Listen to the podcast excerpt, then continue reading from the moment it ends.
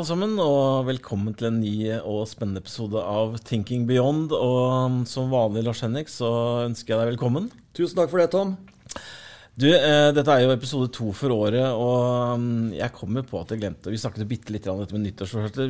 Jeg må raskt spørre deg, Lars Henrik. Har du noen uh, nyttårsforsetter for uh, 2021? Ja. eh, man får jo lyst til å svare, som mange gjør, at man skal uh, Slanke seg og Ja, slanke seg, gå Birkebeineren, trene seg fram mot Norseman og sånne ting. Men nei, Tom, jeg har ikke det. Altså. Men jeg har jeg liksom, det, det, det, det, er noe som er viktig for meg når hvert år starter. Da. Det er at jeg kjenner på liksom, at jeg har passion for det jeg driver med. Mm. Ja, for uten passion så, så, er det ikke så jævla spennende verken for jobb og kollegaer eller for kunder. Så jeg oppfordrer flere til å liksom, vise at man har ordentlig passion for det man driver med. Mm. Og så er det det at ingen skal få lov til å fortsette. Ingen skal få rikke med, med, med integritet. Altså det er vel, vi er i en bransje hvor det er liksom mye egeninteresse og, og til dels store penger. Mm. Eh, nå snakker jeg spesielt finansbransjen. Altså vi ser på meglerselskaper og sånne ting. Så eh, det med å ha, kunne se seg selv i speilet og ha, beholde sin, sin tydelige og store og høye og gode integritet, det er viktig. Mm. Kunne se seg i speilet. Det var gode nyttårsforsett, uh, Lars Henrik. Um, kort sånn for min egen del også, så altså ref denne podkasten, så syns jo det at, det, det at vi har denne podkasten det syns jeg er veldig gøy. Og en av mine nyttårsforsetter er dette med å bare altså liksom være oppdatert på mange av de temaene som faktisk vi snakker om her i podkasten, som jeg har blitt mye mer interessert i etter at vi kom i gang for alvor, du og jeg, i fjor høst. og og jeg ser at vi var jo ganske tidlig ute og snakket om bl.a. et tema som taksonomien, blant annet, ja. eh, som jeg syns er et veldig spennende tema. og Vi skal skryte litt av det, Lars. og synes jo at Vi var veldig tidlig i denne podkasten å snakke om dette. her. Men eh, både du og jeg følger veldig mye med, mye med, i media. og Akkurat nå de siste ukene synes jeg, eh, så har dette kommet veldig mye mer fram til overflaten. Spesielt i media, og vi ser eh, kollegaer i finansbransjen også som snakker nå mye mer om dette. Um, og ikke minst, du var jo i e jeg vil vel si Norges største podkast, E24-podden her nå forrige uke, hvor du snakket om akkurat taksonomien og disse tingene. Så kan ikke du snakke veldig kort igjen i den røde tråden vi har, hvorfor dette er så viktig? Ja, som du sier, jeg, var, jeg hadde en veldig spennende Jeg deltok i, i denne E24-podden til Marius Lorentzen. Og der var jeg sammen med en Det er noen ganger du bare syns det er utrolig hyggelig og spennende, lærerikt, å sitte i dialog med noen. Og da, da, deltok jeg sammen med en som heter Birgitte Vartdal. Hun er eh, relativt ny leder for Statkraft sin eh, satsing innenfor sol og vind i Europa. Hun kom, eh, som noen da kanskje vet, fra stillingen som CEO i Golden Ocean. Så hun har gjort et ordentlig bytte. Mm. Men, men maken til, til spennende, spennende, person og, og um, Uh, veldig, veldig, god tallformidling og refleksjoner fra, fra henne. Så det var, det var usedvanlig spennende å sitte i, den, i, den, dialogen der. Og der kommer vi jo inn på igjen dette rundt med taksonomien og dette med bærekraftsklassifisering og viktigheten av dette her. Og som du sier, så er det jo dette tatt Nå akselererer det veldig innenfor finansmarkedet. Nå er dette blitt et, et ord og begrep som flere og flere, nå spesielt på nyåret, kommer inn på. Vi tok jo dette opp i, av våre, i en av våre første episoder i, tidlig på høsten i fjor. Mm. Og, og, det er Hvorfor er dette viktig? Jo, altså det er, Dette er klassifiseringssystem. Og nå når vi vet, nå har vi 2021 på oss, og ved utgangen av året nå, altså fra, fra, fra neste år, så, så, skal alle selskaper og forretningsmodeller klassifiseres og være på en måte innenfor eller utenfor dette å være grønt. Mm. Eh, oppriktig grønt. Og dette har jo uh, stor viktighet for selskaper når vi ser hvordan de skal klare f.eks. å finansiere seg. Det kommer nok til å være to forskjellige investorgrupper for om et selskap er på riktig eller feil side av denne klassifiseringsgrensen. Og eh, dette vil ha noe med din finansieringskostnad. Både på bankfinansiering, på obligasjonsfinansiering og på egenkapitalfinansiering. Så her er det ekstremt viktig. Dette er bare ett av liksom eh, mange ting som, er, eh, som, markedet er opptatt av. Mm. rett og slett hva blir finansieringskostnaden for de forskjellige forretningsmodellene og selskapene, basert på hvilken side av bærekraftsklassifisering og kriteriene de kommer. Mm. Og helt enig med deg, Lars. Jeg hørte selvfølgelig på episoden. Jeg syns den var veldig bra. Det oppfordrer jeg lyttere til å gjøre. Den den var veldig god lytting og lærlig lytting, men uh, hun var veldig oppegående. Veldig. Og det var i hvert fall ingen tvil om at uh, Statkraft var noe, Taksonomien var ikke noe nytt begrep for dem. Nei, Statkraft som jeg sier, absolutt ikke. Er, uh, dette, var, dette, er jo det de driver med. Og eh, jeg sier jo selv i denne samtalen vi har, at eh, Statkraft er for meg Norges eh, mest spennende og mest verdifulle eh, bærekraftig, eller hva skal vi si, new energy-bedrift, eh, virksomhet. Mm. De, er, de, er, relativt Vi vet at bakgrunnen er jo at de står for over ja, nesten 45% av Norges vannkraftproduksjon. Da snakker vi rundt 3-54 terawatt-timer, mm. sett i forhold til vår totalproduksjon på rundt 135-140 terawatt-timer. Så kanskje rundt 40% Men så vokser det jo kraftig også utover det internasjonalt, mm. da innenfor dette med vind og sol. Og det var det vi snakket mye om da. Så jeg tror jo at, eh, at dette er et selskap, hvis det hadde stått på egne ben i den verden vi har nå, mm. og, vært, eh, og, vært, et selvstendig børsnært selskap, mm. så hadde dette hatt en utrolig høy verdi. Mm. Så, eh, så, derfor var det utrolig spennende å sitte og snakke med henne. For dette er et selskap i kraftig vekst. Og det hun driver med, ligger jo den samtalen vi har nå, veldig nært. Det ligger taksonomien veldig nært, og det ligger egentlig fremtiden veldig nært. Så Birgitte Vartdal har en veldig spennende stilling, en veldig spennende bedrift, som er med på å drive det grønne skiftet i Norge. Nemlig. Du, um, skal gå litt videre. Nå er jo 2020 oppsummert. Og ja. Eh, jeg vet at uh, Formuesforvaltningen skal ha et webinar denne førstkommende fredag hvor, hvor, skal, hvor, fasiten kanskje kommer litt mer til overflaten. Og kan dere snike til oss litt uh, informasjon fra det, Lars Erik? Ja, det er som sier, Vi har jo rapportert dette internt nå, Tom. Og så skal vi ha en kundewebinar mm. på fredag nå, fredag 15. Eh, så jeg håper at mange lytter inn. Men 2020, eh, 2020 var jo et veldig spesielt år, og vi tenkte at det var bra å få lagt det bak oss.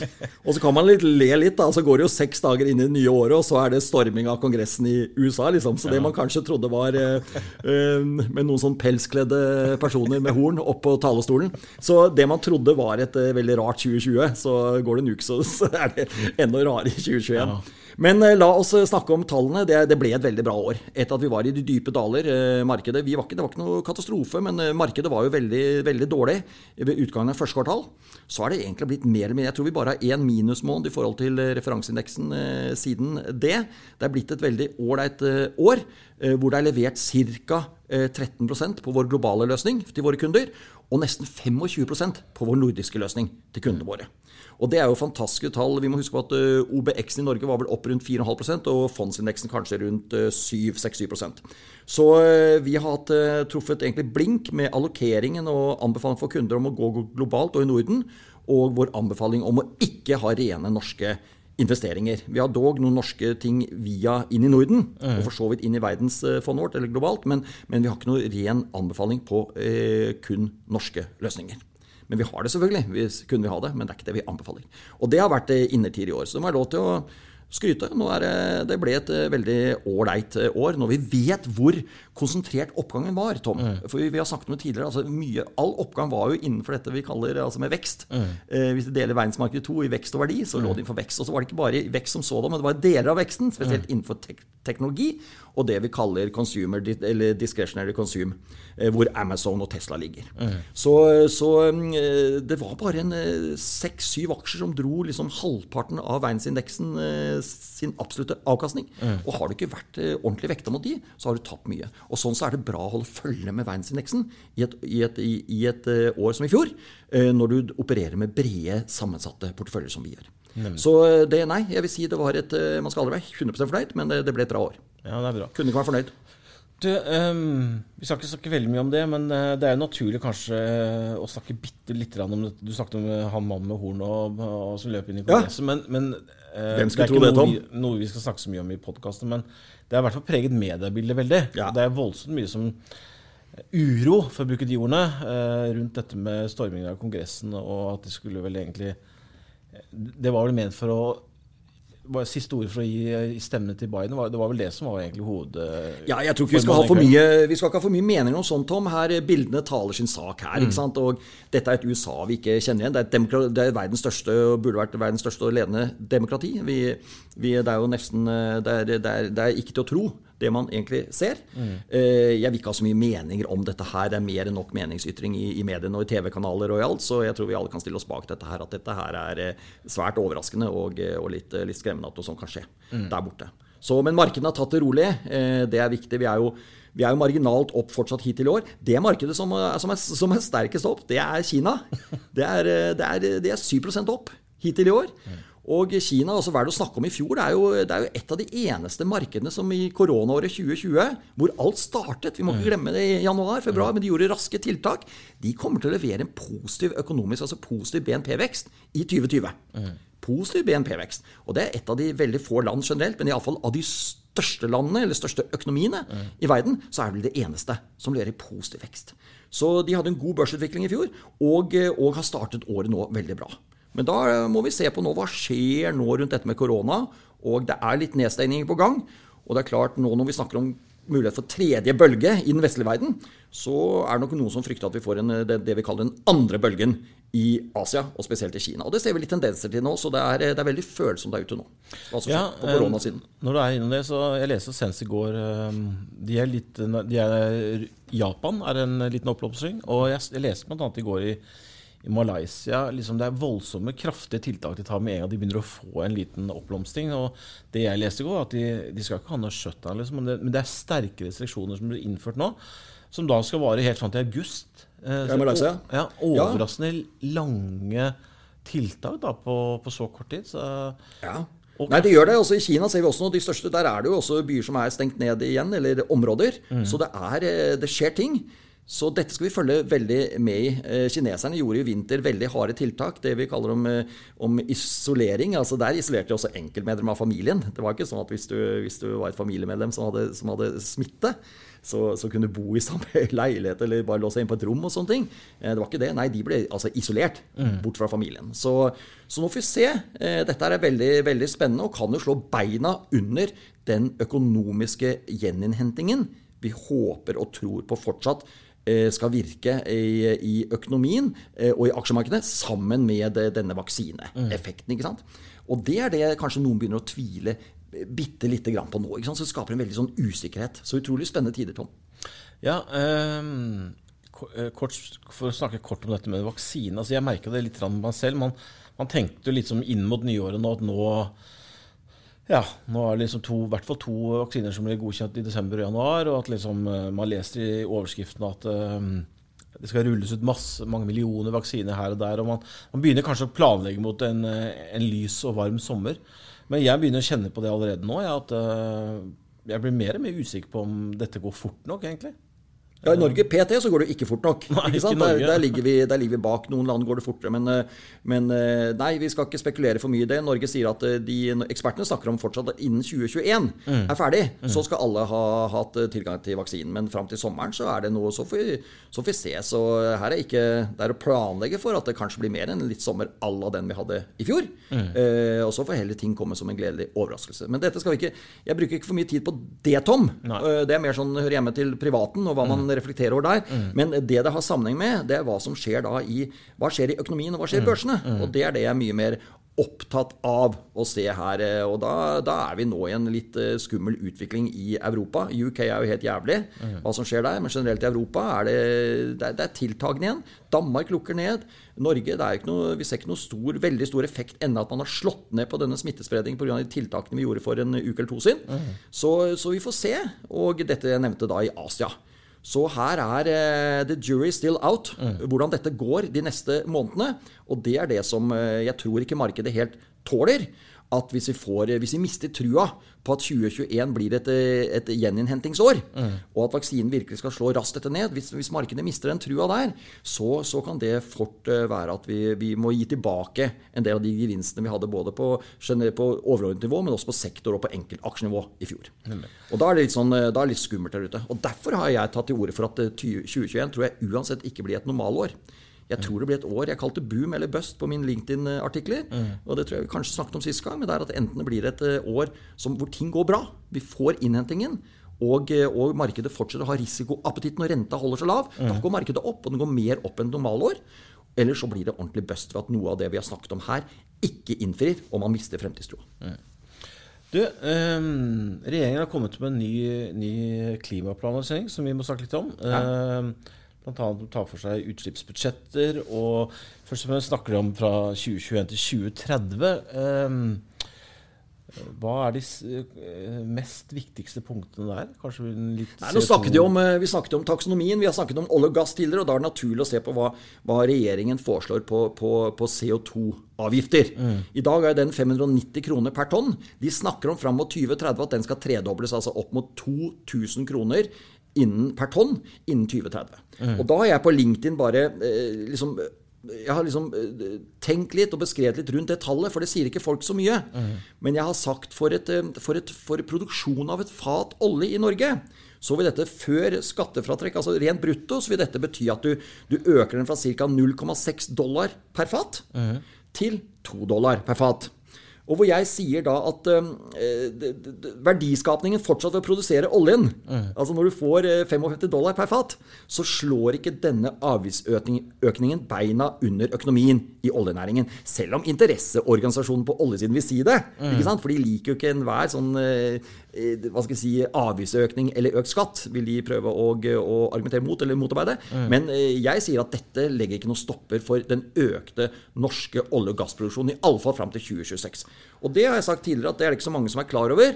At eh, Norge har en av de mest eh, ambisiøse vekstplanene for sin olje- og gassnæring nå de neste fem åra eh, i dette årtusen. Så det syns jeg man skal Og det er en villet politikk.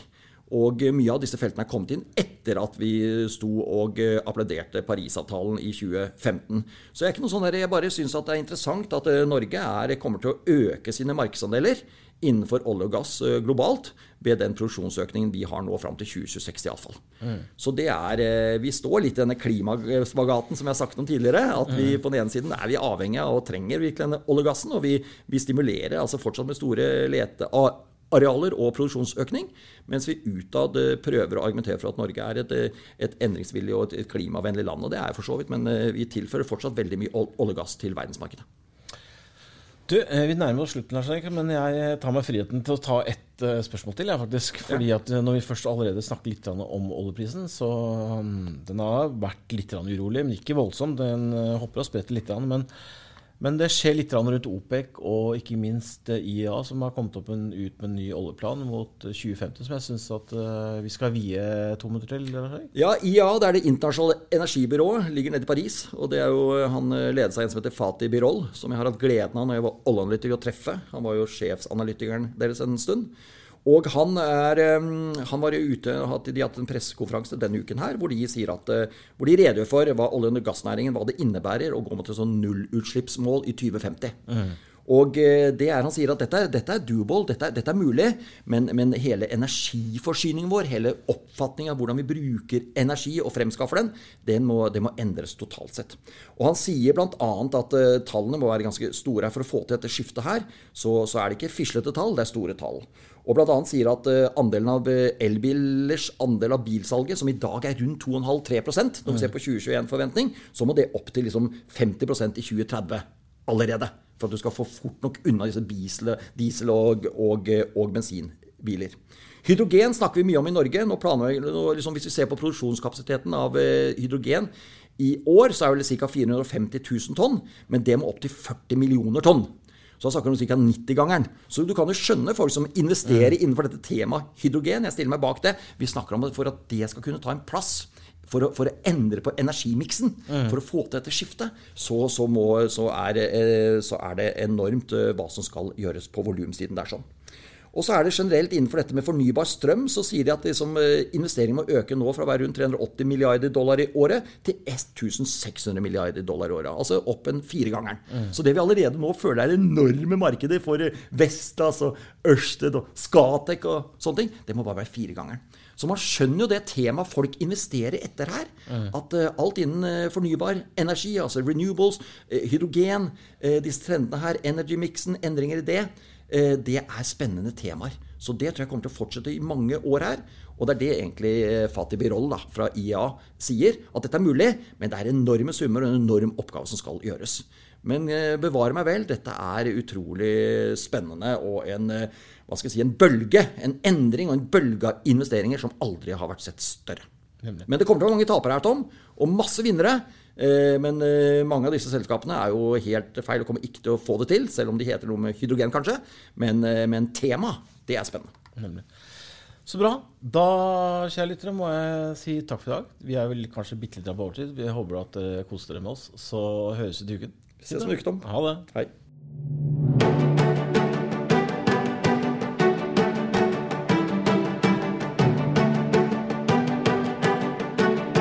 Hørt på Thinking Beyond, en podkast fra Formuesforvaltning.